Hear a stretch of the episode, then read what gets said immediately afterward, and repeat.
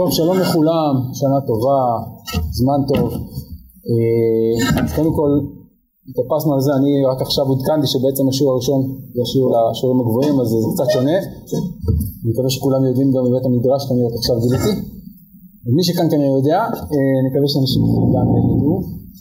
אה, אני רוצה לומר כמה מילים על מה נעשה במהלך השנה הזו, כיוון שחלק מהאנשים כאן היו בשנה שעברה וחלק הצטרפו השנה, אז אני אתן הקדמה אה, קצת יותר כללית ואז ניכנס לנושא הספציפי שלנו היום. אה, אז במהלך השנה הקודמת עסקנו, קראתי לנושא מהפכות נבואיות ומה שניסינו לעשות בשנה החולפת הוא לנסות ללמוד את נבואותיהם של מה שקוראים נביאי הכתב ונביאי הספר בתנ"ך, כלומר הנביאים שנבואותיהם השתמרו בעיקר בספרים, כלומר כתובות, בניגוד לסיפורים שמסופרים עליהם שבדרך כלל לא השתמרו. לצורך העניין אני מבדיל למשל בין אליהו הנביא או בין אה, שמואל שהשתמרו לנו סיפורים רבים על אודותיהם אבל מעט מאוד נבואות שלהם, כלומר מה הם אמרו, מה היו נבואותיהם, יש לנו אה, קטעים ספורים, ממש אה, מצומצמים של נבואות, גם של שמואל, גם של אליהו ועוד. מאידך הנביאים שעליהם נדבר אבל עליהם דיברנו נביאי הכתב הם נביאים שמעט מאוד סיפורים השתמרו עליהם. כמו למשל ישעיהו כמו למשל יחזקאל כמו הושע מעט סיפורים והרוב רוב ה, כלומר הנבואות שלהם הם באמת מה שהם אמרו ולא מה שהם עשו או מה שמסופר לנו עליהם. ודיברנו על זה שוב בשנה שעברה אני ממש מתמצת שיש נקודה מסוימת. באמצע המאה התשיעית לפני הספירה, המאה השמינית לפני הספירה, שבה פתאום פורצת התופעה הזאת, כלומר אנחנו לא מכירים אותה לפני, ופתאום בבת אחת היא פורצת גם ביהודה וגם בישראל, מה שנקרא הנביאים שמתנדים באותו הפרק, הושע, ישעיהו, עמוס, מיכה, ופתאום התופעה הזאת מקבלת מקום מאוד מאוד מרכזי, ניסינו להסביר את התופעה הזאת בכמה דרכים, בין השאר עליית האימפריה האשורי, התגובה של הנביאים לתופעה האוניברסלית החזקה הזאת שמשפיעה עלינו באופן ישיר, אבל זה נושא שלא נרחיב בו כרגע. מה שעוד ניסינו לעשות, ושוב זה גם מה שנעשה בשיעורים הקרובים, זה לנסות לבחון לא ללמוד רק כל נבואה ונבואה בפני עצמה, אלא אצל כל נביא, וזאת הייתה הטענה שניסינו לפתח, אצל כל נביא ונביא, מעבר לכל, קודם כל יש הרבה דמיונות בין הנביאים, כולם מדברים על חטאים, על עונשים, על תשובה, על חסד, על בן אדם לחברו, על הקדוש ברוך הוא כאלוהי העולם, יש הרבה דברים שמשותפים להם, אבל הרושם שאולי יכול להיווצר בטעות כי כל הנביאים אומרים את אותו דבר במילים קצת שונות הוא שגוי ומה שניסינו לעשות בין השאר זה לנסות לזקק את העקרונות הנבואיים אצל כל נביא ונביא ודרכם דרך העקרונות האלה לקרוא את מכלול הנבואות שלהם או לפחות את עיקריהם ומה שעוד ניסינו לעשות זה לבחון גם את הנבואות בהקשר ההיסטורי שלהם. כלומר, אנחנו יודעים שנבואה שנצרכה לדורות נכתבה. כלומר, לנבואה יש איזשהו גרעין רעיוני נצחי, אבל כדי להבין את הרעיון הזה, חייבים להבין באיזה הקשר הוא נאמר, כן? אם לא נבין באיזה הקשר פעל ישעיהו, באיזה הקשר פעל הושע, מה היה הרקע ההיסטורי של הנבואה שלהם, לא נוכל להבין מה היה הגרעין של הנבואה, מה היה התמודדות, האתגר המוסרי, הרעיוני, התיאולוגי של אותם נביאים ולכן הבנת ההקשר היא קריטית כדי להבין את הנבואה ואת המסר הנצחי שלו. זה דבר שני. דבר שלישי שניסינו לעשות הוא לראות את הזיקות ואת ההבדלים בין הנביאים. כלומר, יש מסורת נבואית מסוימת ואפשר לראות שנביאים מצטטים נביאים קדומים, אה, ממש מילה במילה לפעמים, אבל לפעמים יש גם מחלוקות או, או הייתי אומר מתחים בין נביאים תופעה בולטת למשל זה ירמיהו מול ישעיהו מצד אחד, או ירמיהו כתלמידו של הושע מצד שני, כל הדברים האלה הם כמובן נושאים שעסקנו בהם בהרחבה ולא ניכנס אליהם כרגע, אבל דרך זה אפשר לראות שוב גם את המסורת הנבואית ההולכת אה, מדור לדור מצד אחד, וגם את הייחוד שבכל דור, שבכל נבואה, בכל תקופה, כנגד כל אתגר אה, שמתחדש.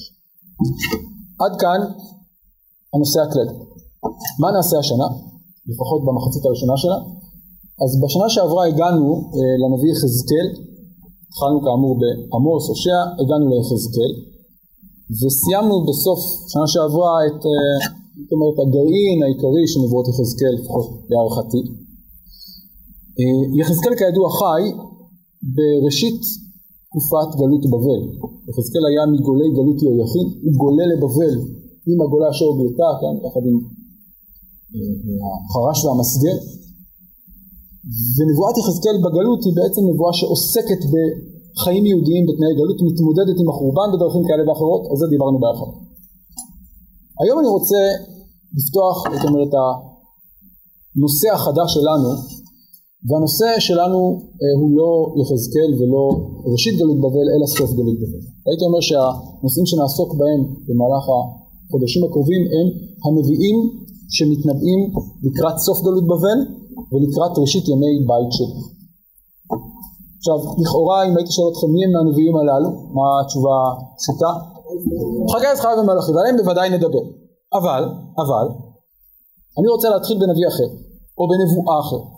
ולזה אני רוצה להקדיש את השיעור היום, כי יש לנו קובץ נבואות גדול, משמעותי, חשוב מאוד, שעוסק בדיוק בתקופה הזאת, בנקודה הזאת, עוד לפני חגי זכריה ומלאכי, עוד לפני שיבת ציון עצמה, נביא שמדבר בדיוק על הרגע הזה שעליו עוד מעט נרחיב את הדיבור, או נבואות שמדברות על הרגע הזה, והנבואות הללו כפי שנראה עוד מעט, מצויות בספר ישעיהו, ועל זה אני רוצה קצת לדבר היום ובכלל בשיעורים הקרובים. ואם כן, נדבר על חטיבת הנבואות הזאת, שעוד מעט אני ארחיב עליה את הדיבור, לאחר מכן חגי, זכריה ומלאכי, ולאורם ננסה להבין את ההתמודדות הנבואית עם האתגרים, הקשיים, הבעיות של ימי בית שני, החזון של ימי הבית השני. כאמור, לפני שניכנס פנימה, אה, לישעיהו אני רוצה לתת קודם כל איזושהי סקירה קצרצרה של התקופה הזאת, כי כדי להבין טוב יותר את ההתמודדות הנבואית צריך להבין קודם כל מה קרה באותה תקופה. גלות בבל הייתה אירוע טראומטי מאוד במובנים רבים. בואו נחשוב רגע מה עובר על יהודים, או על יהודי ארץ ישראל, יהודי ממלכת יהודה, שגולים מארצם לבבל. איזה אתגרים עומדים בפניהם בגלות בבל? מסוגים שונים, קדימה, כן. מה? להישאר ביחד, כלומר לשמור על הגיבוש, על הזהות שלהם גם בתנאים שבהם הם מפוזרים, נכון? אתגר אחד. מה עוד? אמונה, כלומר? זה ידוע יהודה סבור, שבזמן המקדש, לא בטוח שהם הצליחו במינתם... אז בואו נדייק רגע, מה, מה האתגר האמוני, מה המשבר האמוני שיכול להיות כאן? מה? לא רגע, אבל אתה אומר נראה לי משהו אחר, לא לחזור, לפני לחזור בתשובה, קודם כל מה האתגר האמוני, מה הבעיה שיש לנו, איזה קושי?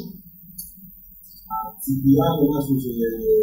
הציפייה לאיזושהי חזרה שמתמודדת עם הספק האם זה יקרה בהם. זאת אומרת, השאלה אם בכלל אי פעם נחזור, נכון?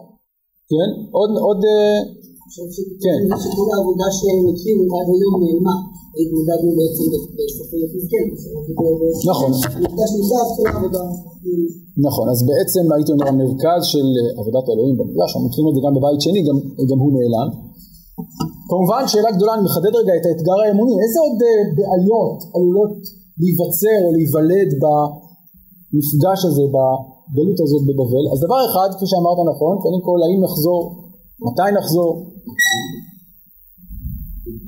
התבוללות, אז זה עוד דבר, נכון? התבוללות, במובן, קודם להתפזר, איזה עוד בעיות? קדימה, בואו נחשוב, תנסו רגע להיכנס לעולם הזה של יהודי בבל לאחר הגלות איזה, עכשיו אני מדבר לא על שנה או שנתיים, לא על ראשית התקופה, אלא על כל הטווח הארוך הזה של מ-586 ועד, עוד מעט נדבר על הצהרת כורש, מה קורה ליהודים שם, תחשבו על יהודים בתקופה הזאת הממושכת הזאת, כן. כלומר, מה, מה שומר על הזהות שלהם? מה, מה, סביב מה הם מתכנסים, כן? סביב מה מגבש אותם? כן, אין להם איזשהו מוקד. מה עוד? פרנסה.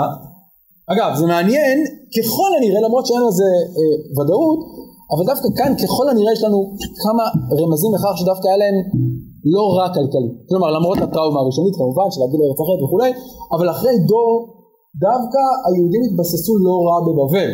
הראיה שקשה להם לעלות, כן?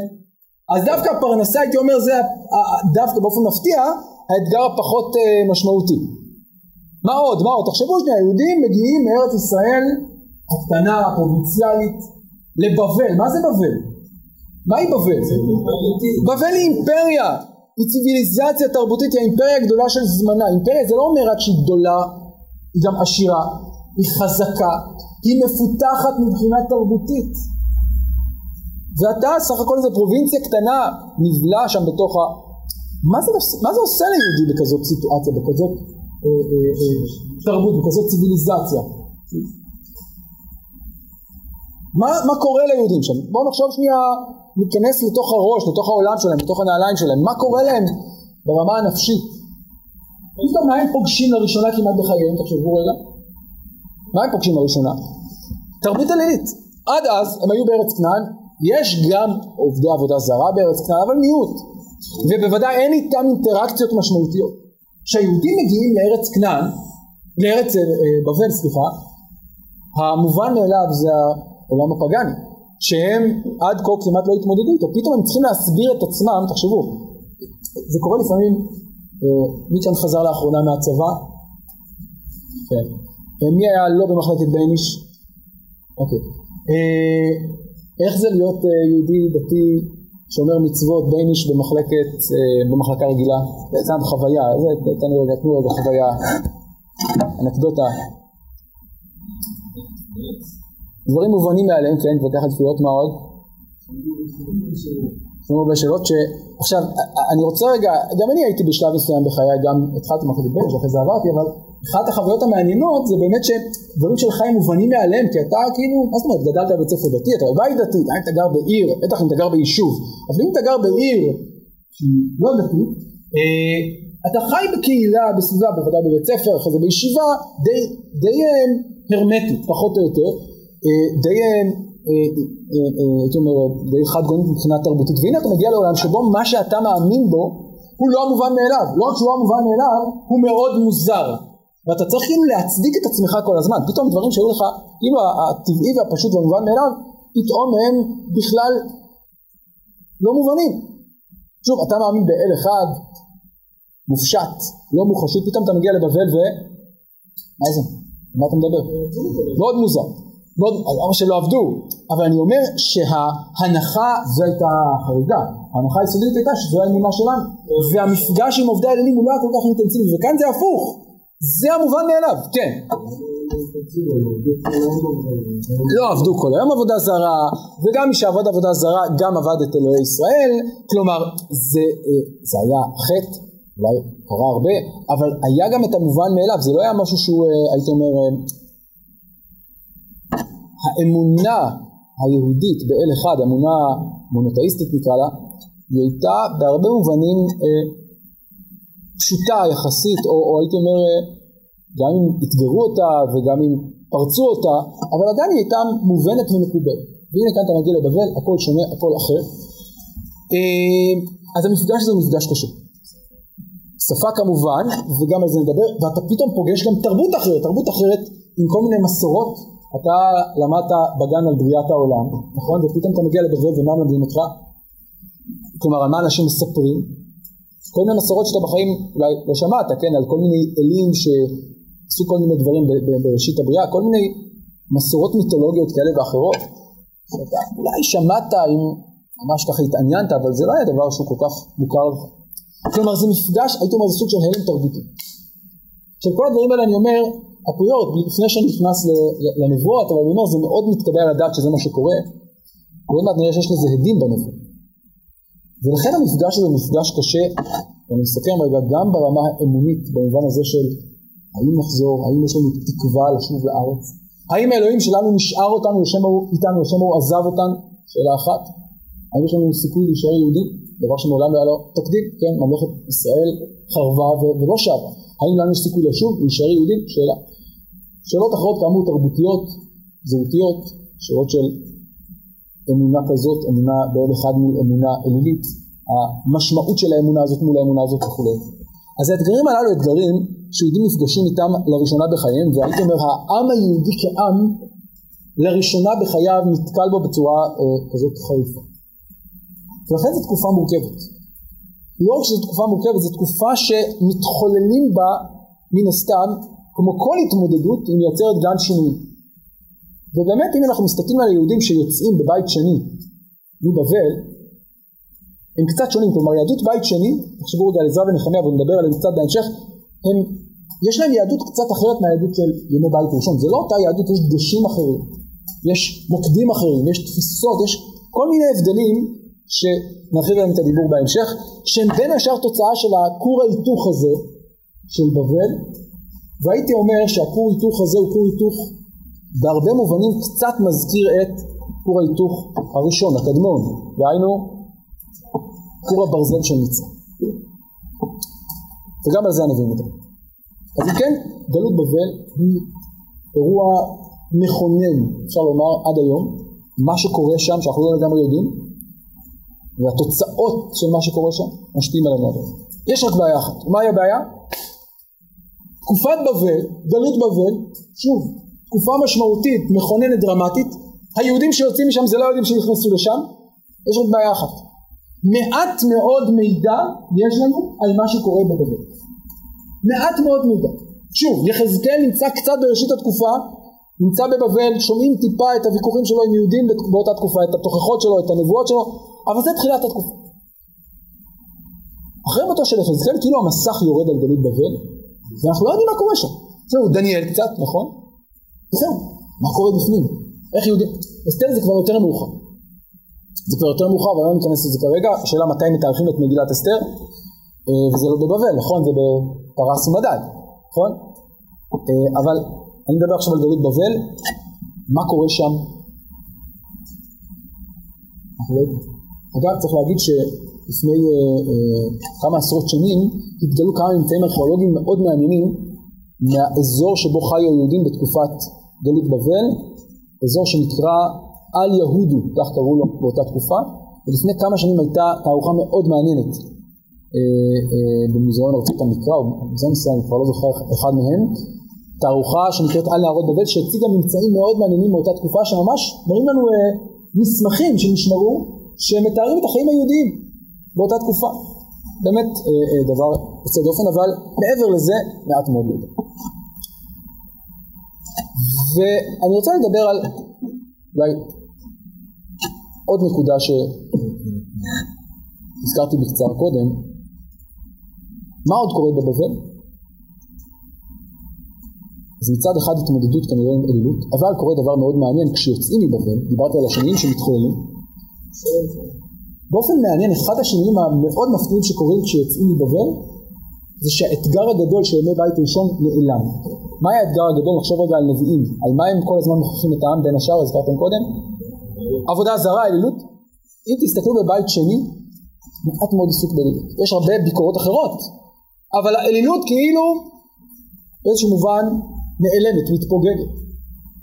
זה מפתיע, כי לכאורה אמרנו דווקא בבבל מה קורה? נפגשים באופן אינטנסיבי מעולם אלילות. והנה באופן מעניין כשיוצאים מגלות בבל אחרי אותה תקופה עלומה, האלילות הופכת להיות דבר פחות רלוונטי.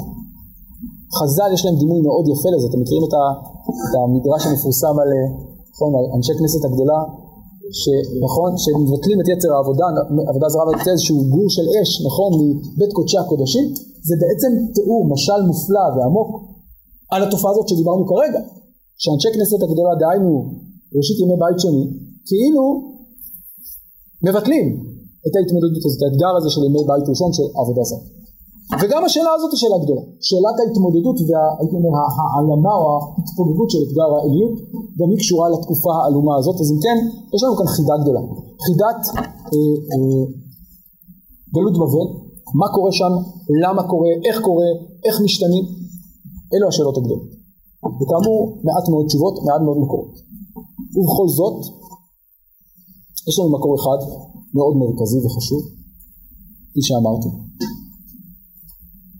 שנותן לנו אולי חיון, צוהר לתהליכים הללו בסוף ימי בית שני, בסוף ימי אה, גלות בבל, סליחה, ראשית ימי הבית השני, ואני מתכוון לחטיבה כאמור של סוף ספר ישעיה. אבל יש כאן בעיה, עוד נדבר עליה. ועל זה אני רוצה באמת להרחיב את הדיבור היום, על החלק השני של ספר ישעיהו, אפשר לפתוח רגע את התנ"ך, ספר ישעיהו. לכאורה כמובן, תגידו לי, אז זאת אומרת, ספר ישעיהו לא רלוונטי לתקופה, מדוע לא רלוונטי לתקופה? מתי ישעיהו בן אמוץ מנבא? נפתח את ספר ישעיהו פרק א', חזון ישעיהו בן אמוץ אשר חזה על יהודה וירושלים בימי עוזיהו יותם אחז יחזקיהו מלכי יהודה דהיינו בימי שלהי כן ממלכת ישראל סוף ממלכת ישראל ממלכת יהודה חזקיהו כן שליש האחרון של המאה השמינית לפני הספירה מתחיל לנבא כמעט 140 שנה לפני החורבן כן אני מדבר עכשיו על סוף גלות בבל, כלומר כמעט 200 שנה אחרי מה שכתוב כאן, אז איך זה קשור? איך זה מתחבר? טוב, ויותר מזה, גם ראינו, כשלמדנו את, את הספר הזה, שהוא מתמקד באופן מאוד אינטנסיבי במפגש עם מלך, בהתמודדות עם מלך אשור, עם הכיבוש האשורי, עם המצור האשורי על ירושלים ועוד ועוד. איך כל זה רלוונטי למה שאמרתי כרגע, לתקופה האלימה הזאת של גלות בבל. אז כאן אני רוצה רגע להתבונן במבנה של ספר ישעיהו, ולספר ישעיהו באופן כללי אפשר לומר יש שלושה חלקים. החלק הראשון זה כאמור מה שאמרתי כרגע, חזון ישעיהו בן עמוס. איפה מסתיימת, הייתי אומר, חטיבת הנבואות הזו של ספר ישעיהו? מה? אז שוב, שאנחנו מחלקים את זה, אבל בואו נרחיב, איפה מסתיימות הנבואות בספר ישעיהו? כן? איפה? לפני, לפני, למד ה' שימו לב, ל"ה זה הנבואה האחרונה. מה קורה בפרק ל"ו? סיפורים, סדרת סיפורים. על מי? על חזקיהו, סנחריב, רב שקה, ישעיהו, נכון? עד איפה החטיבה הסיפורית הזאת? עד פרק מ', כלומר לא כולל פרק מ', נכון? זה מסתיים בפסוק ח', ויאמר חזקיהו לישעיהו, טוב דבר אדוני אשר דיברת, ויאמר כי יהיה שלום ואמת בעיניי. אגב, כל הפרקים האלה, כמעט מילה במילה, מבדלים קלים, מופיעים גם בספר מלכים. ב. אז זה אם כן חטיבה סיפורית שמשולבת בתוך ספר ישעיהו. טוב, אז היינו מצפים, אם הסתיימו הנבואות ועכשיו סיפור, אז מה יקרה עכשיו? זהו, נגמר. אגב, דוגמה לדבר, ספר ירמיהו. איך ספר ירמיהו מסתיים? אחרי נבואות ירמיהו, בואו נתבונן רגע בספר ירמיהו, בואו נפתח רגע את ספר ירמיהו, ספר ירמיהו, פרק, כן, איפה מסתיים, מסתיימת הנבואה האחרונה של ירמיהו?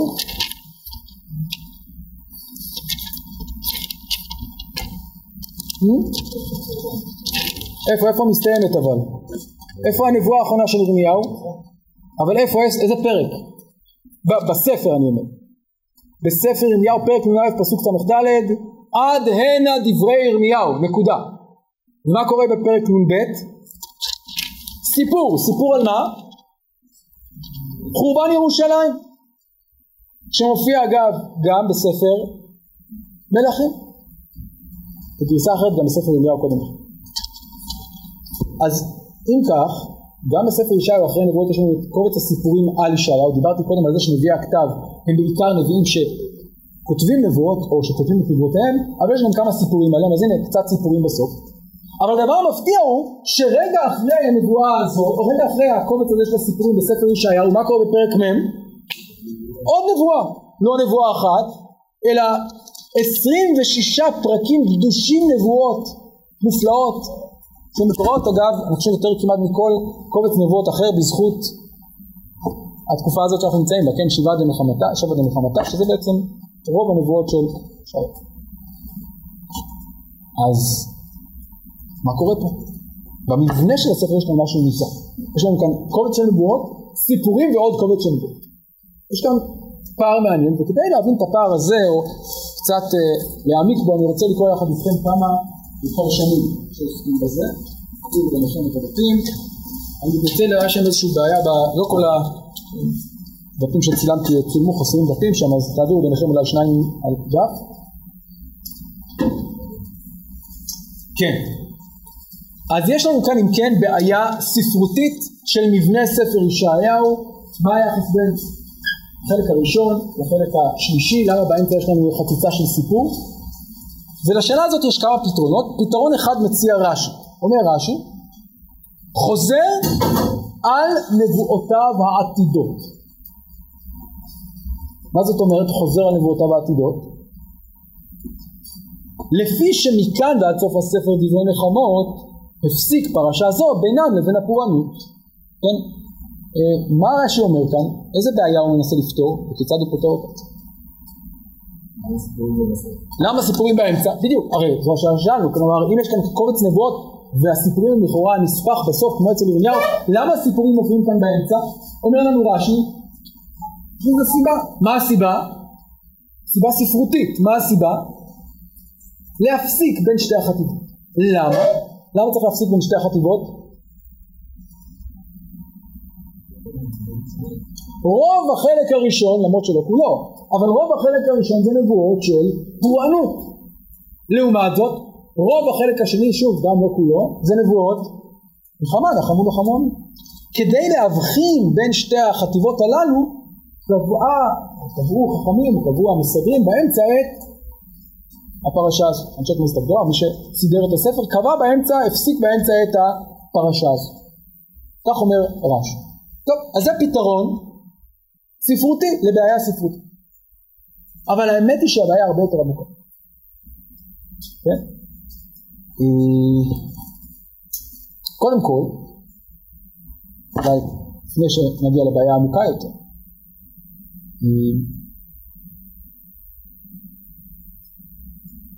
האם יש קשר מסוים בין החלק הזה לחלק הקודם? רש"י לא, לא אומר, אבל יש כאן עוד איזה כיוון מעניין של רבי יוסף אבן כספי בפירושו, והוא נראה רע מעניין, הוא אומר כך: אחר שיעד חורבן בית ראשון, ראוי ונכון שיבשר להם בניין בית שני, וזהו המכוון מפה ועד סוף הספר.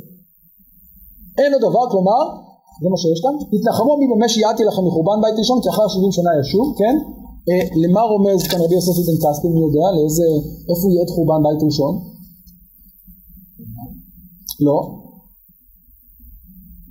איפה יעד ישעיהו את חורבן בית ראשון? מה? יפה, איפה? סוף הסיפור בספר ישעיהו פרק ל"ט, יש לנו סיפור מאוד מעניין, סיפור על מה? זוכרים איך נותן שם הקטע הזה?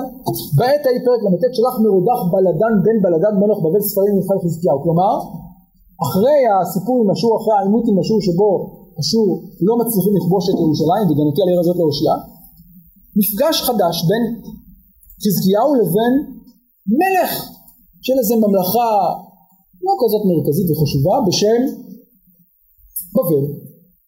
ומפגש מאוד לבבי, ספרים ומנחה, וישמע כי חלה, כן לפני זה מספר על מחלתו, וישמח עליהם חזקיהו וירם את בן בכותו, את הכסף, את הזהב וכולי וכולי. ואז פסוק ג' ויבוא שהיה נביא למלך חזקיהו ואומר אליו, מה אמרו האנשים האלה, מאין יבואו אליך? ואומר חזקיהו, מארץ רחוקה באו אליי, מבבל. שימו לב, אומר, כן, הם באו מאיזה ארץ כזאת. די ברור שבבל עכשיו מה? היא לא איזה ארץ מאוד מרכזית, נכון? טוב, ארץ רחוקה. אז באו, עשיתי להם ככה, עשינו קשרים, אה, אה, טיפה, טיפחנו את הקשרים הדיפלומטיים, הראיתי להם את אוצרותיי. ויאמר ישעיהו לחזקיהו שמע דבר אדוני צבאות הנה ימים באים ונישא כל אשר בביתך ואשר עצרו אבותיך עד היום הזה בבל. לא יוותר דבר אמר אדוני מבניך אשר יוצאים ממך אשר קונים ייקח והיו סריסים בהיכל מלך בבל. שימו לב. אגב נבואה קצת מפתיעה סך הכל מה הוא עשה? ראה להם את אוצרותיו. לא. לא ניכנס כרגע לשאלה הזאת אומר לישעיהו תדע לך שבעוד הרבה זמן בבל הארץ הרחוקה הזאת עומדת להיות הארץ ש... תכבוש אתכם ותגלה את עמך ואת צאצאיך מירושלים. עכשיו זה נראה בכלל מופרך, כן? מי בכלל מדבר על בבל, אבל אומר הנביא זה מה שיקרה בעתיד, אומר חזקיהו תשובה גם כן קצת מפתיעה, טוב דבר השם יש להיות דיברת, ויאמר כי יהיה שלום ובית בימי, כלומר בינתיים הכל בסדר, תשובה קצת מוזרה אבל נשים אותה בצד. אם אני קורא שוב את הפסוקים האלה כחותמים את החטיבה, אפשר לאור זה להבין את נחמו נחמו עמי, למה? מה הקשר בין הדברים? אחרי הנבואה של ישעיהו על החורבן, שיהיה בעתיד, נחמו נחמות. אבל יש בעיה עמוקה יותר בעיניי, כשמשווים את החלק הראשון לחלק השני בספר שלי, שתי החטיבות הנבואות. והבעיה היא לא רק בעיה ספרותית שיש באמצע איזה קובץ סיפורים, הבעיה עמוקה הרבה יותר. כן. יש עוד מילים שדיברו ישעיהו על חורבן?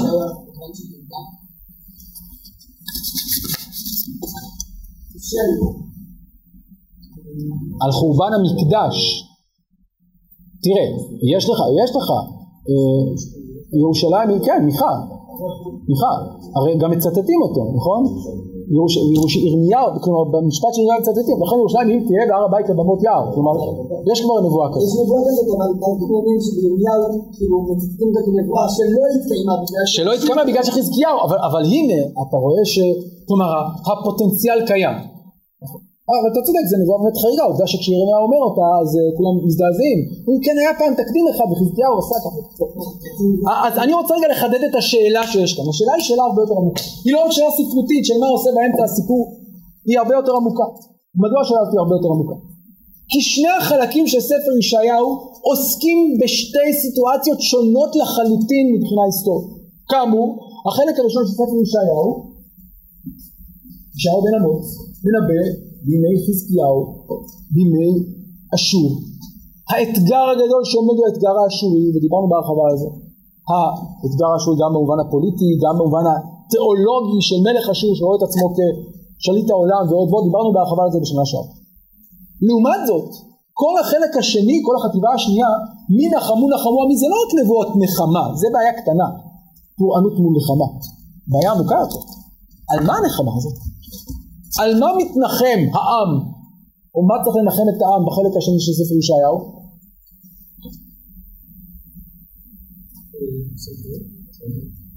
על הגלות. איזה גלות? גלות בית שם. בסדר. בית ראשון, גלות, גלות בבל, לא גלות עשרת השבט. רגע, אבל הגלות עדיין לא עלתה. נכון. יותר מזה, העם, למשל, נקרא כמה פסוקים קדימה, אה, פרק אה, מ' פסוק אה, כ"ז למה תאמר יעקב ותדבר ישראל נסתרה דרכי מאדוני מעולם משפטי יעבור למה אתם מתייאשים? מתייאשים ממה? מהגאולה כן? למי פונה הנביא כאן עכשיו לכאורה?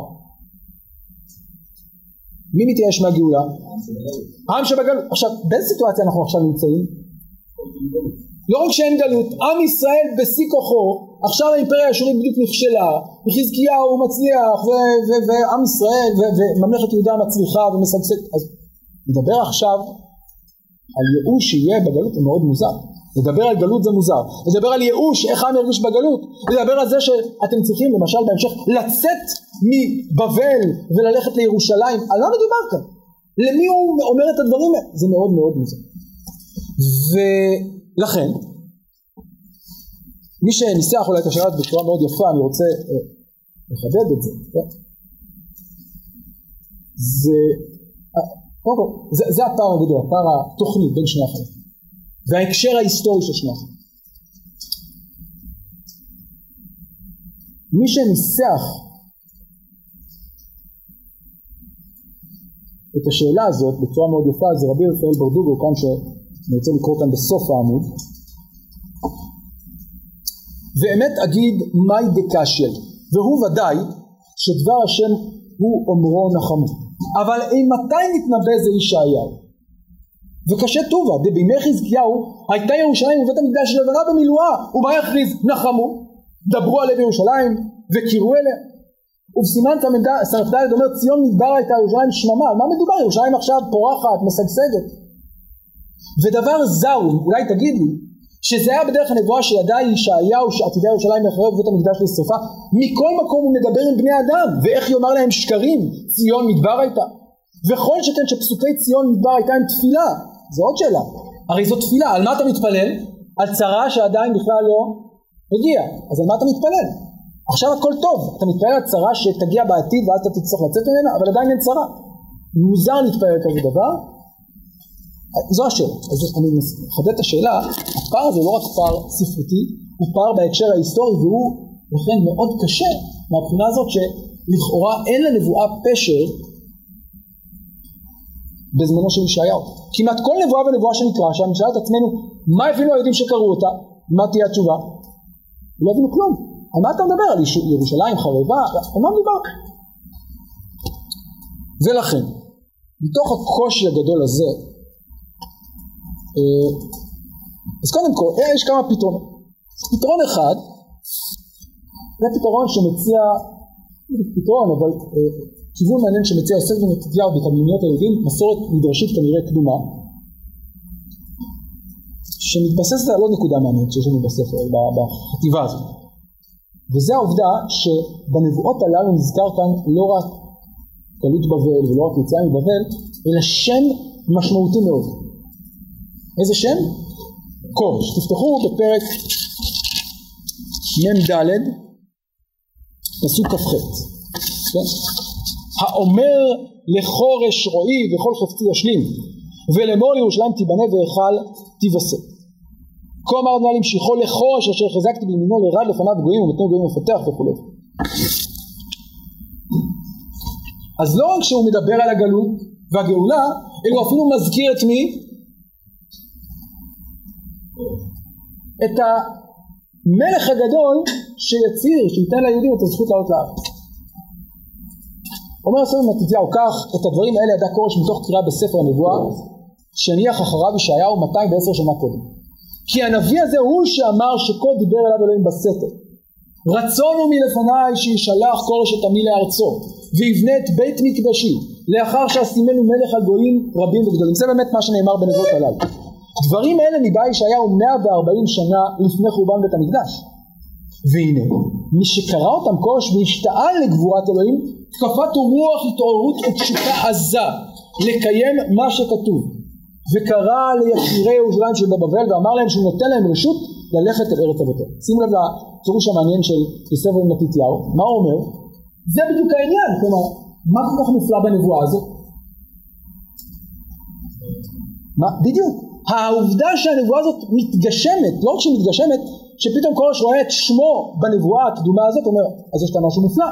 אז אם כך, אומר לנו יוסף, בזכות זה כורש נותן ליהודים רשות לשוב לארץ. למה? אומר, אם זה מה שאומר הנביא הקדום, אז, אז זה דבר השם, הנה, זה, זה התגשם, אז אני חייב גם להגשים את החלק שלי ולתת להם רשות לעלות לארץ. כלומר, לפי, זאת אומרת, לפי יוספוס, זה בדיוק העניין, דווקא העובדה שמדובר בנבואה קדומה היא זאת שמלהיבה, כן, התקפת רוח, התעוררות ותשוקה עזה, את כורש, לקיים את הדברים. זה כיוון אחר. באמת נבואה קדומה. אלא כאמור, שהבעיה היא מילא כורש. אבל מי ששמע את הנבואה, מה הוא עשה איתה? איך היא הייתה רלוונטית לאב? זאת שאלה גדולה כאמור, שאלה שהזכרנו קודם בשם רבי רפאל דוד. מכיוון אחר, כן.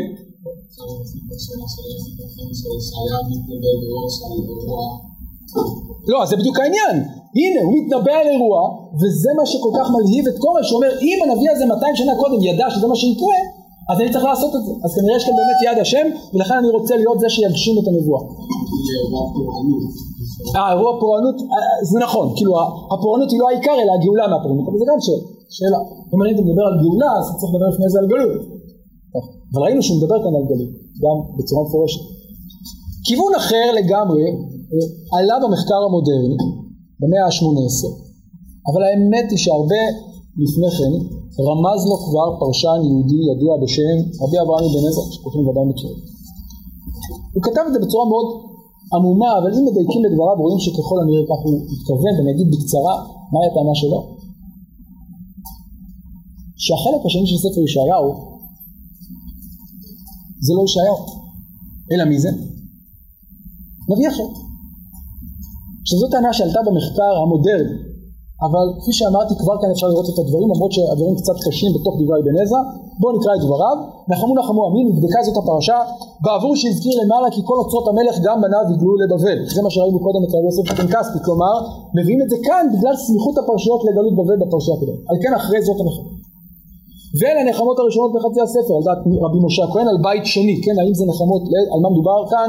אז הוא אומר לפי רבי משה הכהן על בית שני לפי דעתי על גלותנו אבל יש כאן משפט קצת עמום,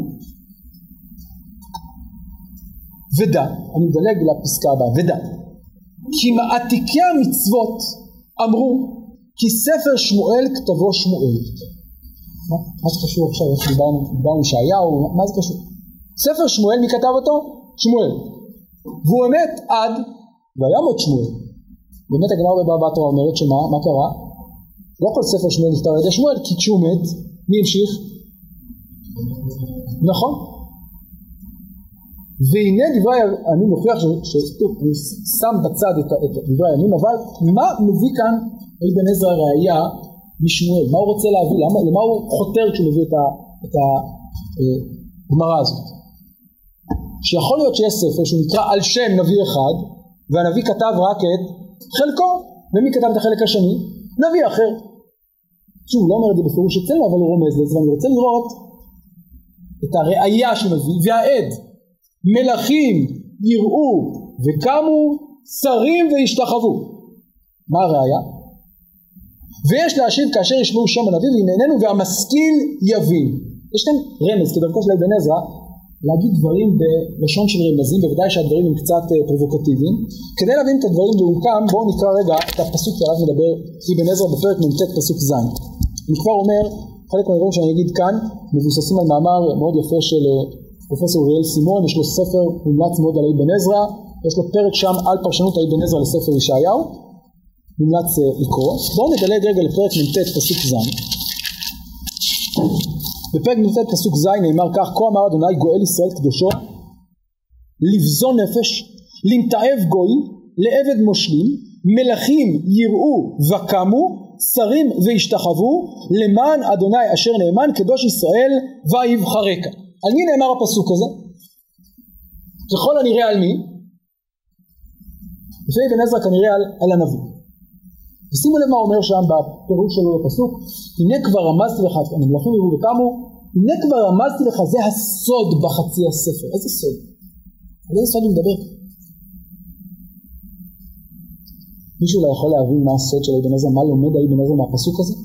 אם אני אומר שהפסוק הזה מדבר על הנביא, שממנו מלכים יראו וקמו,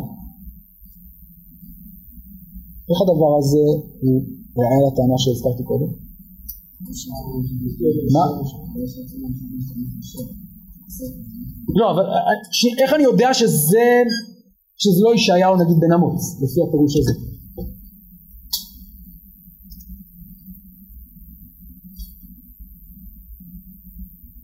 כן, על דעת רבים אומר אבן עזרא, כי המלכים כמו כורש, כאשר ישמע דברי הנביא יקום וישתחווה. זה מה שראינו קודם אצל יוסף. מלכים קמו, מתי הם קמים ומשתחווים? כשהם רואים, כשהם רואים את מי? או, אז אפשרות אחת, כשהם שומעים את דברי הנביא, וזה הפירוש של מי? של יוסף. כשכל שומע את דברי הנביא, אז מה הוא עושה? משתחווה. כלומר, בעקבות שמיעת דברי הנבואה, המלך הגדול של אותו זמן קם ומשתחווה וכאילו עושה את דבר הנביא. אבל, אומר אבן עזרא, שימו לב, כתוב כאן, למת... כן, אה, אה, אה, קדוש ישראל ויבחרך, מה זה ויבחרך? את מי הוא בחר? אותך, את הנביא. והנה כך ויבחרך לעד על יושר זה הפירוש, כלומר מהמילה ויבחרך, לימד אבן עזרא, שהפירוש הפשוט הוא לא שהמלך שומע את דברי הנביא, אלא שהמלך רואה את הנביא עצמו. ואם כן, אני משלים את הנקודה, לומד מכאן אבן עזרא, שמדובר לא בנביא שחי מאות שנים לפני כורש, אלא בנביא שחי בזמנו של כורש. אפשר להתווכח עם הפירוש הזה והוא מביא גם אפשרויות אחרות, אבל אומר אבן עזרא זו לדעתי הסיבה. הראיה לטענה והוא עוד כמה ראיות. לפי הפירוש הזה אם כן, מדובר בנביא שחי בימי כורש, לא שהם ב-200 שנים קודם לכן. ואם כן, אני חוזר למה שאמרנו קודם, לכן אבן עזרא נזקק לראייה הזאת מהגמרא שאומרת שיש ספר שנקרא על שם שמואל, ושמואל לא כתב את כולו אלא רק את חציו ונביא אחר ישנים. אותו דבר אומר אבן עזרא, גם ספר ישעיהו, חלקו הראשון על ידי ישעיהו בן אבות, חלקו השני על ידי נביא אחר. ומכאן כאמור, לא בעקבות אבן עזרא כי לא כל כך הכירו אותו, אבל במחקר המודרני התפיסה הרווחת היא שבאמת החלק השני של ספר ישעיהו בכלל לא ישעיהו בן אמוץ, בימי אה, אה, אה, חזקיהו ותקופת אשור, אלא מדובר בנביא אחר שחי בבבל 200 שנים לאחר מכן ובלשון המחקר הוא נקרא ישעיהו השני, אם שמעתם אי פעם את ה... כשאני רוצה רגע לחדד, כן. כן. יש לנו תופעה, למשל איפה? יפה, זו דוגמה מצוינת. יש לנו דוגמה לכך שנביא מנבא מראש על זה שבאמת בשם יאשיהו שמו ויעשה כך וכך. עכשיו אני רוצה באמת, כאן מה שנקרא שורש האמונה הוא שורש הכפירה. כלומר, אני רוצה לחדד את, את הטיעונים השונים אה, לגבי הסוגיה הזאת. טיעון אחד, וזה הטיעון נקרא לו יותר מחקרי, נטען שישעיהו השני הוא נביא אחר. מדוע? איך יעלה לדעת שאדם 200 שנים לפני כורש ידע שיש אדם בשם כורש? איך יעלה לדעת שאדם 200 שנים לפני גלות בבל ידע על גלות בבל? איך יעלה לדעת שאדם 200 שנים לפני בית שני ידבר על בית שני? זאת, ולכן מן הסתם האדם הזה חי לא 200 שנים קודם, אלא באותו זמן. זאת טענה אחת שבעצם על מה היא מבוססת, מה הנחת היסוד שלה? שנביאים לא יכולים באמת לדעת, הם לא יכולים באמת לדעת את העתיד. ולכן אם הנביא הזה מדבר על כורש והוא חי והוא מדבר על בבל אז בוודאי הוא חי באותה תקופה והוא רואה את הדברים. זאת הנחה אחת וממנה שכאמור נובעת התפיסה שיש כאן בוודאי ישעיהו שם. האם זאת ההנחה של אבן עזרא? לא. קודם כל שימו לב בכלל לא טוען את הטענה הזאת והטענה שלו היא פרשנית קודם כל. הוא אומר אני לומד את זה מה, מה, מה, מהניסוח של הנבואה שהיא מדברת על אבי שחי באותה תקופה. לא על זה שזה לא אפשרי. זה א', בעיה פרשנית. זו הבחנה אחת. ואני רוצה להוסיף טענה אחרת. וזו הטענה שהזכרתי קודם. טענה של רבי יופי ברדוגו ועוד. וזו טענה שאומרת לא, הייתי אומר הפוך על הפוך, היא דווקא טענה שאומרת דווקא בגלל שאני מאמין בנבואה אני לא יכול להאמין שישעיהו כתב את זה, למה? כי מהי נבואה? מהי נבואה? האם נבואה היא הגדת העתיד בלבד? לא. מה תפקידה העיקרי של נבואה? כמעט כל נבואה ונבואה, מה תפקידה? להתמודד עם אתגר במציאות, בהווה. עכשיו אתה יכול לדבר על העתיד, למשל אתה ירמיהו, אתה מדבר על החורבן שיהיה בעתיד, בעתיד הקרוב. למה אתה אומר על זה שיהיה חורבן? למה חשוב לספר על החורבן העתידי? כדי לעורר אותם לתשובה בהווה. אבל באיזה מובן רלוונטית נבואת ישעיהו בימי חזקיהו על אירוע שעדיין לא קרה, על טראומה שעדיין לא אירעה, על גלות ועל גאולה, אז זה לא רלוונטי. הסרט השני זה משהו אחר, אני מדבר עכשיו על, על יהודה. אתה אומר להם אל תדאגו אתם תצליחו לצאת מבבל, אל תתייאשו. על מה להתייאש? אנחנו עכשיו בארץ ישראל. ירושלים תיבנה והכל יהיה בסדר. על מה אתה מדבר? ירושלים תיבנה. כלומר, אני אומר כך, הנבואה היא פשוט לא רלוונטית, היא חסרת משמעות. וזאת טענה שהיא דווקא מתוך ההבנה של מהי נבואה, מגיעה למסקנה שלא יכול להיות שהנבואה הזאת נאמרה בימי חזקיהו. כי אז אין לה שום פשר, שום משמעות, שום ערך באותו זמן. אז לכן אני אומר, את אותה מסקנה אפשר להגיע משני כיוונים כמעט הפוכים. אחת חותרת תחת האמת של הנבואה והאחרת להפך דווקא מבוססת על דיוק בנבואה ועל העמקה במשמעות שלה. אלה שני הכיוונים. ושוב כפי שאמר אבן עזרא יש לזה גם תקדימים שחז"ל לימדו אותנו יש ספרים שחלקם נכתב על ידי נביא אחד וחלקם על ידי נביא אחר וזה נקרא על שם נביא אחד ולאור זה גם המבנה של הספר הזה מובן כי יש לנו בעצם את ישעיהו הסיכום שזה הסיפור של אה, אה, אה, חזקיהו וישעיהו, לאחר מכן חלק שני שעוסק במשהו. רגע, שנייה, אז אלה שתי אפשרויות, כיוון שזה זמננו קצר אני רוצה לצעוד עוד צעד אחד קדימה ואולי ללכת במסלול, מסלול ביניים כזה שאני רוצה להציע בשיעורים הקרובים, וזה המסלול הבא. אני כרגע לא נכנס לשאלה מי צודק, האם זה באמת ישעיהו בן אמוץ או נביא אחר. קודם כל אני חושב ששתי האפשרויות הללו, כלומר שגם האפשרות שהאי בן עזר מציע למרות שהיא קצת מפתיעה, האפשרות הזאת מההנחות הנכונות, מה, על פי ההנחות הנכונות, האפשר, האמוניות הנכונות היא בהחלט לגיטימית. אבל אני רוצה לשאול שאלה אחרת. נניח שזה לא יישאר. לא יישאר בן אמוץ. אז מה זה עושה פה? מה זה עושה פה בתוך ספר ישעיהו? למה חיברו את זה? ספר שמואל אני מבין למה הוא נמצא ביחד. למה הוא נמצא ביחד? כי זה אותו ספר, זה אותו רצף, זה אותו הקשר. אבל מה הקשר בין שני חלקים שיש ביניהם פער של 200 שנה, הקשר היסטורי שונה לחלוטין? למה הם נתחברו יחד בספר אחד? אפשר להגיד שיש כאן איזו תאונה, אפשר להגיד שפשוט הנה דיברו על גלות בבל אז חיברנו את הנבואה הזאת, אבל זה מאוד מוזר. ולכן אני רוצה להציע כיוון שלישי. זה כיוון שכבר הציעו אה, כמה אה, מפרשים, מי שהציע אותו בצורה מעניינת זה אה, עמוס חכם בפירוש שלו בדעת מקרא לספר ישעיהו וגם אחרים. זאת טענה מאוד מעניינת שאומרת את הדבר הבא. אם נעיין היטב בספר ישעיהו, ואת זה נעשה כבר, בחלק השני, וזה נעשה כבר בשיעור הבא, נגלה שזה לא סתם נבואות נחמה שבאו אחרי נבואות פורענות, יש קשרים פנימיים עמוקים מאוד בין החלק הראשון של ספר ישעיהו לבין החלק השני של ספר ישעיהו. גם לשוניים כאמור, גם רעיוניים מאוד עמוקים. ואם מודעים לזה, שמים לב שלא מדובר סתם בשני קבצים שהודבקו יחד, אלא בחיבור אורגני. האם זה נאמר בימי ישעיהו בן אמוץ או לא? אני לא יודע. מציע עמוס חכם פירוש מאוד מעניין, באחד המקומות בספר ישעיהו, בפרק, פרק ז' כמדומני כתוב, שלישעיהו יש לימודים. מהם הלימודים? מציעים חלק מהמפרשים? תלמידים. כלומר לישעיהו רק כביכול איזה בית מדרש. ולפי הפירוש הזה אפשר לומר שישעיהו אולי אומר את הנבואות הללו, אבל לא לאנשים של זמנו, אלא למי?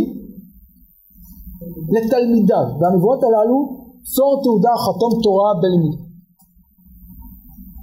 מה זאת אומרת?